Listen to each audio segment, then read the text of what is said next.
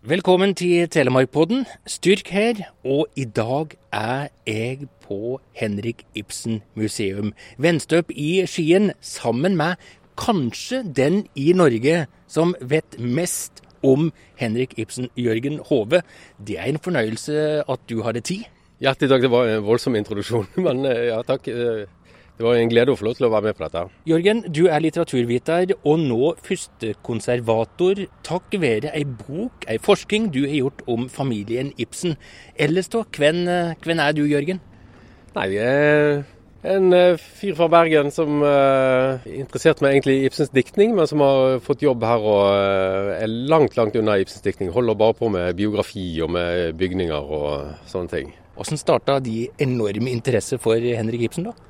De begynte på forelesningene i litteraturvitenskap, og jeg oppdaget at uh, gjengangere egentlig har noe med Nietzsches filosofi å gjøre. Og, og, at det var et helt nytt perspektiv som ingen uh, hadde liksom, gitt uttrykk for før. Og Da ble jeg veldig fanget av det. Og så håpet jeg at jeg skulle jobbe mer med sånt når jeg kom her, men så har jeg bare altså, holdt på med biografi. og med, Nå er vi mest opptatt av hva slags eh, kjøkkenpeis det var egentlig var hos familien Ibsen og sånne ting. og det skal vi komme rikelig tilbake til. Strålende dag, sol fra skyfri himmel. Det er en idyll på det som er kjent som Ibsens vennstøp, nå Henrik Ibsen museum i Skien. Ja, Det er jo eh, hovedhuset, som er selve det restaurerte barndomshjemmet til Henrik Ibsen. Der hvor vi streber mot å få alt så autentisk som mulig. Og så har vi drengestua og kafeen, da. Som er ja, den opprinnelige drengestua, og, og bryggerhuset på gården. Og så har vi eh, låvebygningen, som eh, i dag eh, har et sånt escape room, vi, hvor vi formidler Per Gynt gjennom escape room. Da. Stabburet har vi òg. Det er jo også autentisk fra Ibsen, familien Ibsens tid. Og så er det i dag en voldsom aktivitet her, både i forhold til escape room, som du er inne på, moderne formidling av eh, nå i, i, sommer Per Gynt, og ikke minst eh, avsløringa av faken rundt oppveksten til Henrik Ibsen. Og, og det er takk være deg at eh, en nå river gruva og bygger opp på nytt. Ja, det er sant. Det kan man kanskje si. Det er jo eh, også takket være veldig mange andre, da. Men, eh, men, det var jo jeg som fant ut av det første gang. At det, det, det interiøret som vi presenterte her oppe, det var rett og slett helt feil. Skal vi gå inn og titte litt på hva som er innafor dynnene? Ja, la oss ja. gjøre det. Se på det gamle Skien da først, der hvor Henrik Ibsen ble født. Han ble født i 1828, eh, 20. mars 1828. I sentrum av, av Skien, da, hvor, eh, hvor, familien hans eh, og, og bekjentskapskretsen deres bodde. Hva er dette, Jørgen?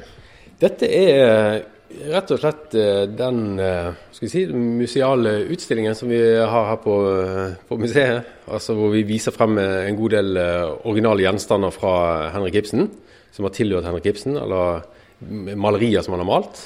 Og så har vi eh, en uh, gjengivelse, eller en liten modell, da, av hvordan det så ut i Skien på Henrik Ibsens tid. Det er naturlig å begynne her, egentlig, for det var jo her alt eh, begynte for Henrik Ibsens del òg. At han ble født da i hjørnegården på, på Stokmannsgården, som det heter, midt i Skien sentrum, rett overfor kirken hvor Arkaden kjøpesenter ligger i dag. Det var en vakker og særpreget by med store bygårder i, bygget av tre som lå da dessverre litt for tett eh, sammen, så det brant jo alt sammen opp i 1886. Men eh, poenget her er jo det at de, de, disse bygårdene ble eid av familien og bekjentskapskretsen til Henrik Ibsen. Altså Henrik Ibsen var, ble født inn i en overklassekultur i, i Skien i Telemark. Det er det som er liksom det nye perspektivet vårt på Henrik Ibsen. Men en har visst hele tida at uh, det var rikfolk, uh, forfedrene hans?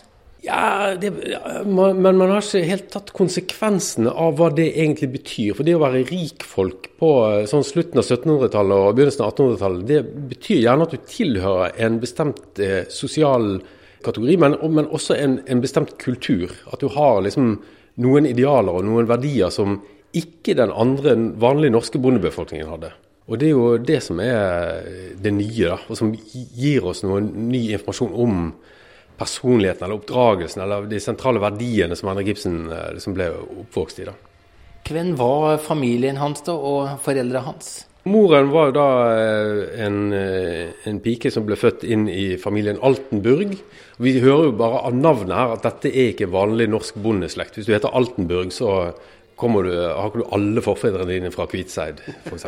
Men de hadde jo slektninger i Kvitseid, altså. Men de var jo også eh, innvandrere fra denne eliten som på en måte hadde blitt invitert av danskekongen til å utvikle naturressursene i Norge. Og som hadde egentlig eh, i praksis monopol på alle stillinger innen embetsverket og på det å drive handelsvirksomhet av noe som helst betydning. Og ikke minst også monopol på politisk makten. Han bodde jo da i Stokmanngården til han ble to år, og så arvet da faren hans, for kvinner kunne ikke arve, arvet da svigerfamiliens bygård, som heter Altenburggården, som ligger liksom rett over gaten og ett kvartal opp, oppover nordover i Skien sentrum. Med den arven så følger også resten av handelshuset Altenburg, som var basert på, mye på kornimport og tømmereksport, og på brennevinsproduksjon. Så det, det, er jo med på å definere familien Ibsen. Og så er det da det ulykksalige som skjer, er det at dette, dette brennevinsbrenneriet som faren arver, det blir plutselig sterkt beskattet av staten. På det tidspunktet så har vi 10 000 brennerier i Norge, og 20 år ca. etterpå så er det 40 brennerier igjen. Oi. Så alle disse brenneriene går jo under. Så det, det at biografen har vektlagt at faren hans var så eh, dårlig i forretninger, og at han kanskje drakk for mye og sånt, det viser seg altså bare å være tull. da. Det, det er konjunkturer eller eh, strømninger i samfunnet som definerer liksom, den undergangen til familien Ibsen.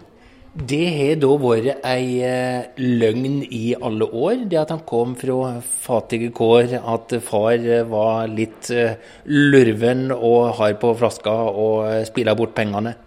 Ja, nettopp. Ja, Det er den typen løgner, eller misforståelser, hva vi skal si, som har dominert Ibsen-biografien. For hvis du, hvis du ser for deg det, hvis du skal fortelle om dikteren Henrik Ibsens barndom, og så har du en forestilling om at faren hans var en voldelig alkoholiker, så det er klart at det har noe å si for hvordan den sønnen vokser opp. Og når det da viser seg at dette er tatt ut av den løse luft Faren hans drakk litt når han var en gammel, ensom mann, men ikke i Henrik Ibsens barndom. Men hvordan fant du ut av dette, Jørgen? Det var eh, rett og slett ved å eh, bruke da eh, de gamle biografiene. Det er noen av de som er gode og som oppgir hvilke kilder de har. Og så har jeg funnet frem igjen de kildene og lest de en gang til. Og sett dette i sammenheng. Og, og jeg har rett og slett gått inn i dette stoffet uten å tro på noe som helst utenom det som de som var der da det skjedde, har fortalt. da. Eller det som arkivene forteller. Men uansett hvordan vi vrir og vender på det, på et eller annet punkt så sitter familien såpass kleint i det økonomisk at eh, de er nødt til å flyte ut fra byen og ut mer på landsbygda til her vi er nå, Venstøp. Ja, til lystgården, eller avlsgården. Så stakkars, eh, stakkars Ibsen. Det var jo eh, en konvensjon blant disse rikfolkene at de skulle, også skulle ha en sånn I tillegg til bygården i byen, så hadde de gjerne også en, eh, en lystgård eller en avlsgård på, på landet. da. Og det, det, var jo en helt annen type gård enn det som eh, de norske bøndene i området hadde. Ja, Hva lå det i det, en eh, lystgard? Ja, Det betyr at du har eh, store representasjonslokaler til festligheter. Du har selvfølgelig tilstrekkelig mange ansatte, så du slipper å gjøre noe sjøl.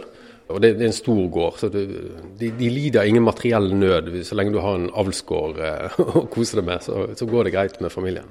De tinga her, måleria, bøkene Dette her er jo ting som har tilhørt Henrik Ibsen som voksen mann.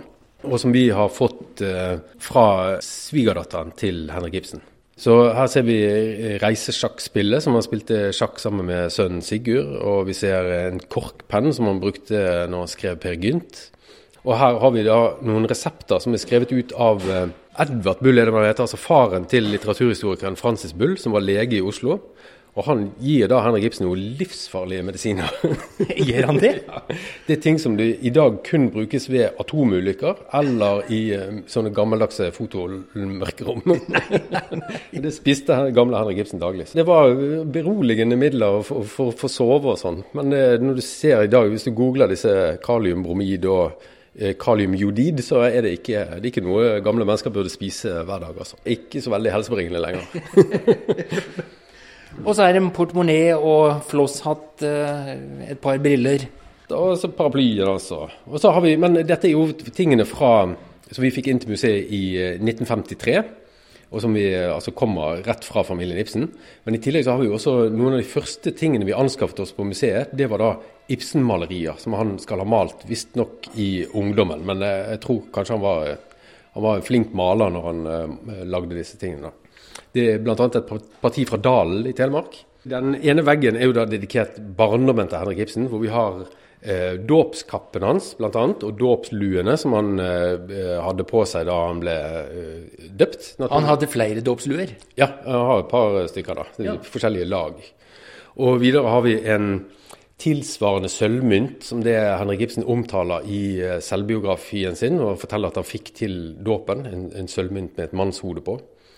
Uh, vi har Harrison's History of London, som, han, uh, eller som Henrik Jæger forteller i biografien at Henrik Ibsen fant her oppe på Venstøp, og som han ble inspirert til å lære seg tegning av.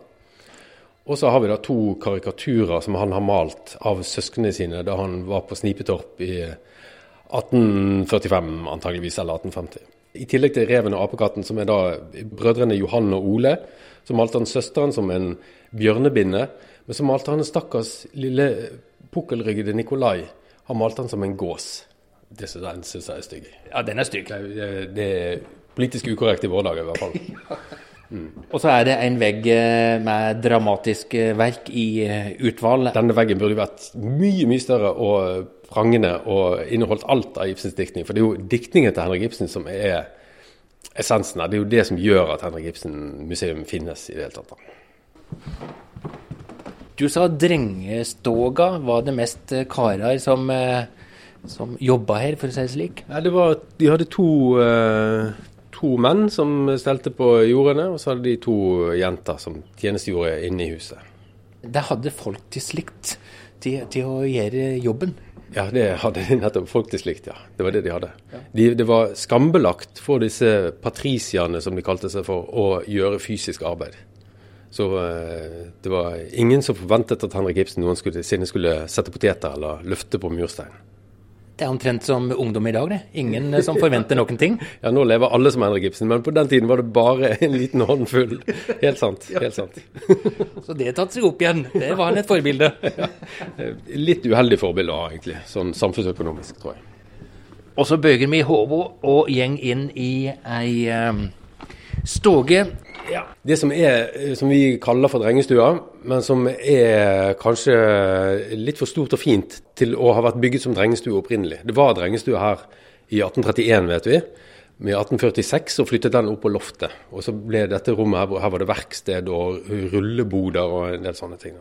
Det stemmer ikke at det hovedhuset som vi har i dag, er, det, er første gangen at det var herskapelig her oppe. Her var, har det vært eh, liksom eh, dannede mennesker, som de kalte seg da, for, eh, før familien Ibsen.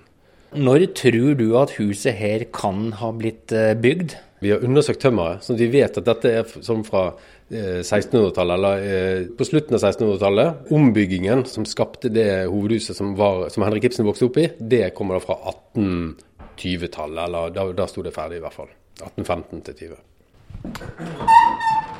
Og da er vi på vei inn i hovedhuset. Og her er det bra med håndverkere som, som, jobber nå om dagen. Og hva gjeng arbeider i, Jørgen? Det går ut på å kartlegge hvordan, helt nøyaktig hvordan det så ut her da Henrik Ibsens familie bodde. Her, mellom 1833 og 1843. Så det er alt fra å finne liksom de eldste materialene som har vært her. Som uh, den rappede veggen, altså hvor, hva slags rapping de hadde på veggene. Datidens gipsplater. Hva slags listverk de hadde. Ja, alt mulig. Og maling, ikke minst. Malingslag og farger. Men her sier da disse som, eh, som ikke er håndverkere, men konservatorer fra eh, NIKU, som er veldig, veldig flinke fagfolk, de sier at, at her er det for slett. Det så ikke sånn ut for her er det en rapping, men den er laget av betong på 1950-tallet. Så den må vi ha vekk, og så må vi ha tilbake den ekte rappingen med halm og med leire. For da får veggen et annet uttrykk. For et arbeid. Ja, det er et helt vanvittig arbeid. Nå er vi i noe som ser ut som ei stoge, er det det, eller? Ja, dette er Havestuen, som er ganske godt restaurert eh, tilbake til hvordan det så ut på Ibsen-familiens tid. Og hvor vi har eh, en lang rekke originale gjenstander som har fulgt eh, familien. Kanskje helt fra de bodde her, men eh, i hvert fall kommer de aller fleste gjenstandene her fra familien Ibsen. Vi har f.eks. Disse stolene som har tilhørt lillebroren til Henrik Ibsen, og som han igjen hadde fått i dag av familien sin. Så sannsynligvis har de stått her oppe i Ibsens barndom. Og så har vi jo malerier, portretter av søsteren og fetteren og kusinen til Henrik Ibsen. Vi har malerier som moren til Henrik Ibsen har malt, og mormoren. Og vi har eh, eh, skrivebord som har tilhørt faren til, til Henrik Ibsen. Og ja, en masse ting, da. Og så kan vi jo gå inn i salen. Skal vi se her. Eller salen er noe vi har kalt det storstue, skal vi kalle det for fremover. Det er det det omtales som i branntaksten. Oi, ja dette var ei storstoge i forhold til det rommet vi nå gjeng fra. Mm. Og her hadde familien Ibsen da en lang rekke fester. Samlinger i Skyteselskapet f.eks., som var liksom en sånn klubb. Eller det var for, for, for moro skyld at man samlet seg her og drakk og skøyt på blink og hadde det koselig. Den lille eliten da har sånne gamle innvandrerfamilier fra distriktet her. Så skyting og drikking, det er ikke noe problem? Nei, det ser vi jo også på bygninger, hvordan det er bygget. Dette er før HMS, helt klart. Det var ikke noe særlig eh, helse-, miljø- og sikkerhetstiltak på Ibsens tid. Så her er det rett og slett sitte og mora seg UV-klassa. Hvem snakker vi om av omgangskrets her? Det er jo eh, ordføreren i Gjerpen, Herman Bagger f.eks. Eller eh, jeg, jeg, tror ikke eh, Løvenskiold var helt med, men vi har f.eks. Eh, brennerieier og, og skipsreder Kudrio. Vi har stortingsrepresentanten Gassmann, som bodde på Foss. Veldig mange gamle skipperfamilier som det hadde begynt å gå litt dårlig med. For det er jo også en historie her at at den undergangen som familien Ibsen opplever, det er ikke noe som bare skjer for familien Ibsen. Det skjer for hele denne sosiale gruppen som de tilhører. da. Som, som kollapser gradvis i løpet av 1800-tallet. De mister privilegiene sine, og den demokratiske rettsstaten heldigvis vokser frem. da. Det var nedgangstider for rikingene, men de var fremdeles velstående og kunne sitte her på Venstøp og gasse seg i godsaker av både mat og drikke. Nettopp, ja. Og, og, og, og helt uavhengig av eh, hvor mye penger de hadde, så identifiserte de seg med en egen kultur. Som, altså de, de regner seg selv som bedre, og som som, som liksom de dannede og opplyste, som skulle belære bøndene i hvordan de skulle drive effektivt jordbruk. Det var jo også eh, samlinger her oppe i Sogneselskapet som hadde nettopp det som formål å, å lære opp bøndene hvordan de, hvordan de skulle dyrke et ganske arrogant tiltak. Når du tenker på at disse her aldri spadde i jorden i det hele tatt, så skulle de lære bøndene hvordan de skulle dyrke mat effektivt. For de gjorde sjøl ikke et arbeidslag? Nei, de puslet litt i hagen sin og sånn. De hadde spektakulære hager med, hvor de f.eks. dyrket blomkål og den slags som etter hvert kom ut på jordene. Men eh, det var sånn som de satt og tenkte på, og så kommanderte de bøndene ut til å gjøre jobben. På et vis så dyrker vi jo da historien om at eh, Henrik Ibsen kom fra så kleine kår etter hvert, og at de måtte flytte på landet. Hva gjør det med oss når det da viser seg at dette var helt feil? Det som jeg tror er årsaken til at vi har ønsket å ha denne fortellingen om hvor elendig Ibsen hadde det, det handler om at vi gjerne må, vi vil gjerne identifisere oss med Henrik Ibsen. og Vi vil gjerne føle sympati med han, eller at du, du har en sympati for diktningen som liksom smitter over på personen på en eller annen måte. Og, og, det har jo vært nyttig for nasjonen Norge og for litteraturhistorien i Norge, det å, å, å ha en, en, karakter som, eh, ja, som, vi, som, vi, kan identifisere oss med, da, selv om han var kritisk til Norge. Men når vi, når vi vet hvor han kommer fra, så, så, skjønner vi også bedre hvorfor Henrik Ibsen hatet bønder. Det var ikke bare Bjørnson han hatet, men han hatet, han hatet bønder i sin alminnelighet. Det gjorde hele familien Ibsen, og det dukker opp i flere brev mellom familien Ibsen. Hvorfor det, tror du? De regner seg som en del av en annen kultur enn, eh, enn den alminnelige bondebefolkningen. De, de, så på seg selv som noe som var bedre, penere og viktigere. Hvor gammel var Henrik da han bodde her, da, sammen med elitefamilien sin? Altså Faren eh, eh overtok eh, gårdsbruket i 1833. Da tenkte de at de skulle bruke det som et landsted, eller at de tilbrakte sommerhalvåret her. Men så mista jo faren da etter hvert eh, forretningene sine pga. Eh, hard beskatning av alkohol. Og da flytter familien opp for å bo her året rundt fra 1835, når Henrik Ibsen da er syv år gammel.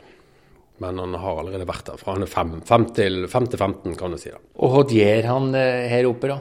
Her inne i salen så opptrer jo han under disse sammenkomstene i skyteselskapet bl.a. Hvor han driver og tryller. For han, eh, han er tidligst veldig opptatt av trylling, som han har lært seg på markedene i eh, Skien. Og da kan han få ur, urene til herrene til å forsvinne, f.eks. For og så kan han mose de i en morter og dra de like hele opp. og Han har noen sånne triks. Altså. Ja. Så han var den stjerna, han da? Barnestjerna? Ja, han, eh, han, de forteller det at han var enten for seg selv innadvendt, lekte med sine egne ting. Uh, han så på de andre når de lekte, og lo litt av de og sånn, og så gikk han tilbake til sine egne ting. Uh, enten var han liksom der i sånn asosialt hjørne, eller så var han da utadvendt og sprudlende og sentrum for oppmerksomhet.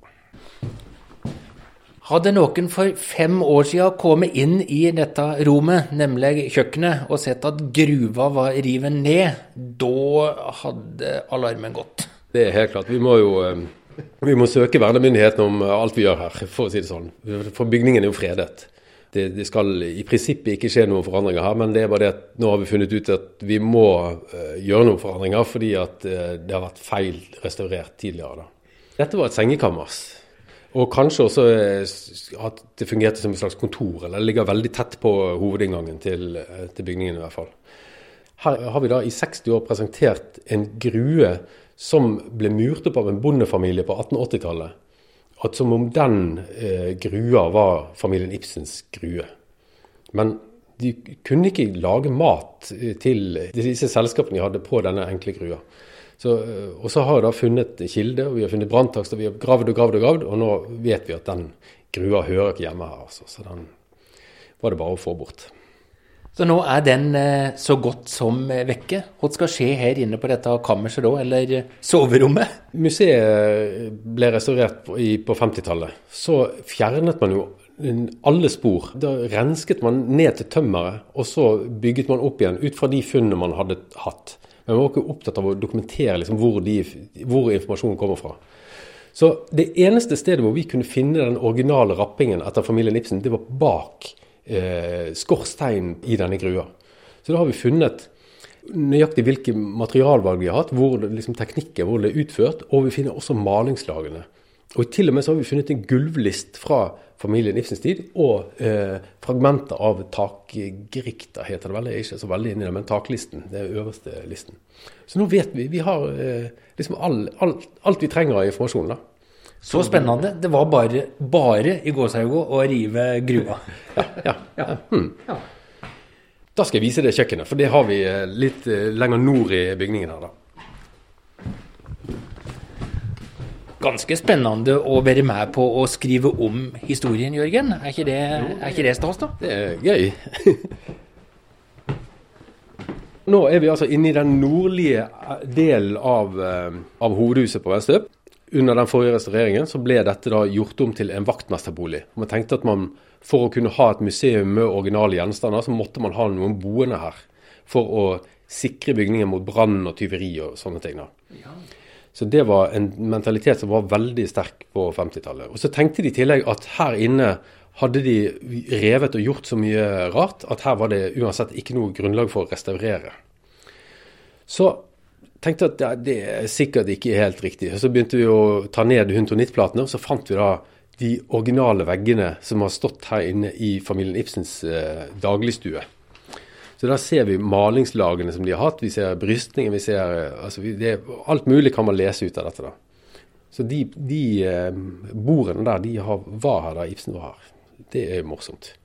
Og så har vi i tillegg da avdekket eh, kjøkkenet. altså Det er jo disse eh, ekspertene som vi har leid inn, som har funnet f.eks. tallerkenhyllen som familien Ibsen hadde. Hvor, altså Det var ingen som kunne tenke seg at vi skulle klare å finne noe sånt. Men her ser vi gjennom det som de kaller for negative spor av maling, så ser vi liksom omrisset av tallerkenhyllen.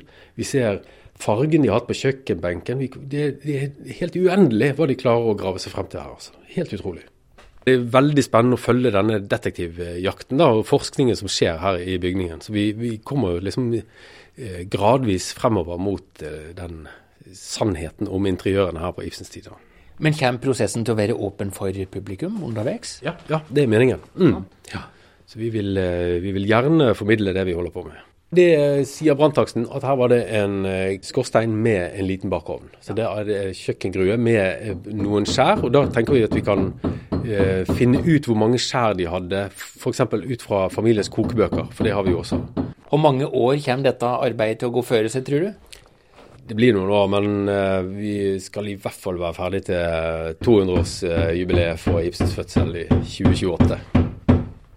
Her uh, et sted så, så, satt Henrik Ibsen da i kottet sitt. Han var den eneste av disse barna som fikk, hadde sitt eget rom. Det var et litt eh, stusslig rom, men allikevel han hadde liksom muligheten for å trekke seg tilbake og være privat her inne. da, Eldste gutten i familien. Ti år sa du Henrik eh, bodde her eh, på Venstøp, og så skulle han videre ut i verden. Mm, først så var han i Grimstad fra 1843 til 1850. Og så eh, er han jo da innom Skien eh, en gang når broren ble konfirmert. Han har en lang sommerferie her i 1845. Og så er han innom her idet han debuterer som dramatiker med Catalina i 1850. April 1850. Da besøker han familien sin for eh, siste gang. Etter det så reiser han til Kristiania, altså Oslo, og så blir han da headhuntet til denne jobben som dramatisk forfatter av Ole Bull i, ved en nasjonalscene i Bergen. da. Og eh, derfra så eh, bare har Henrik Ibsen en eh, sånn kunstnerkarriere som har Altså alle piler peker stort sett oppover. Det er noen sånne små humper på veien der, men, men stort sett så går det bare mot en verdensberømmelse og en suksess som ingen andre norske kunstnere har sett maken til.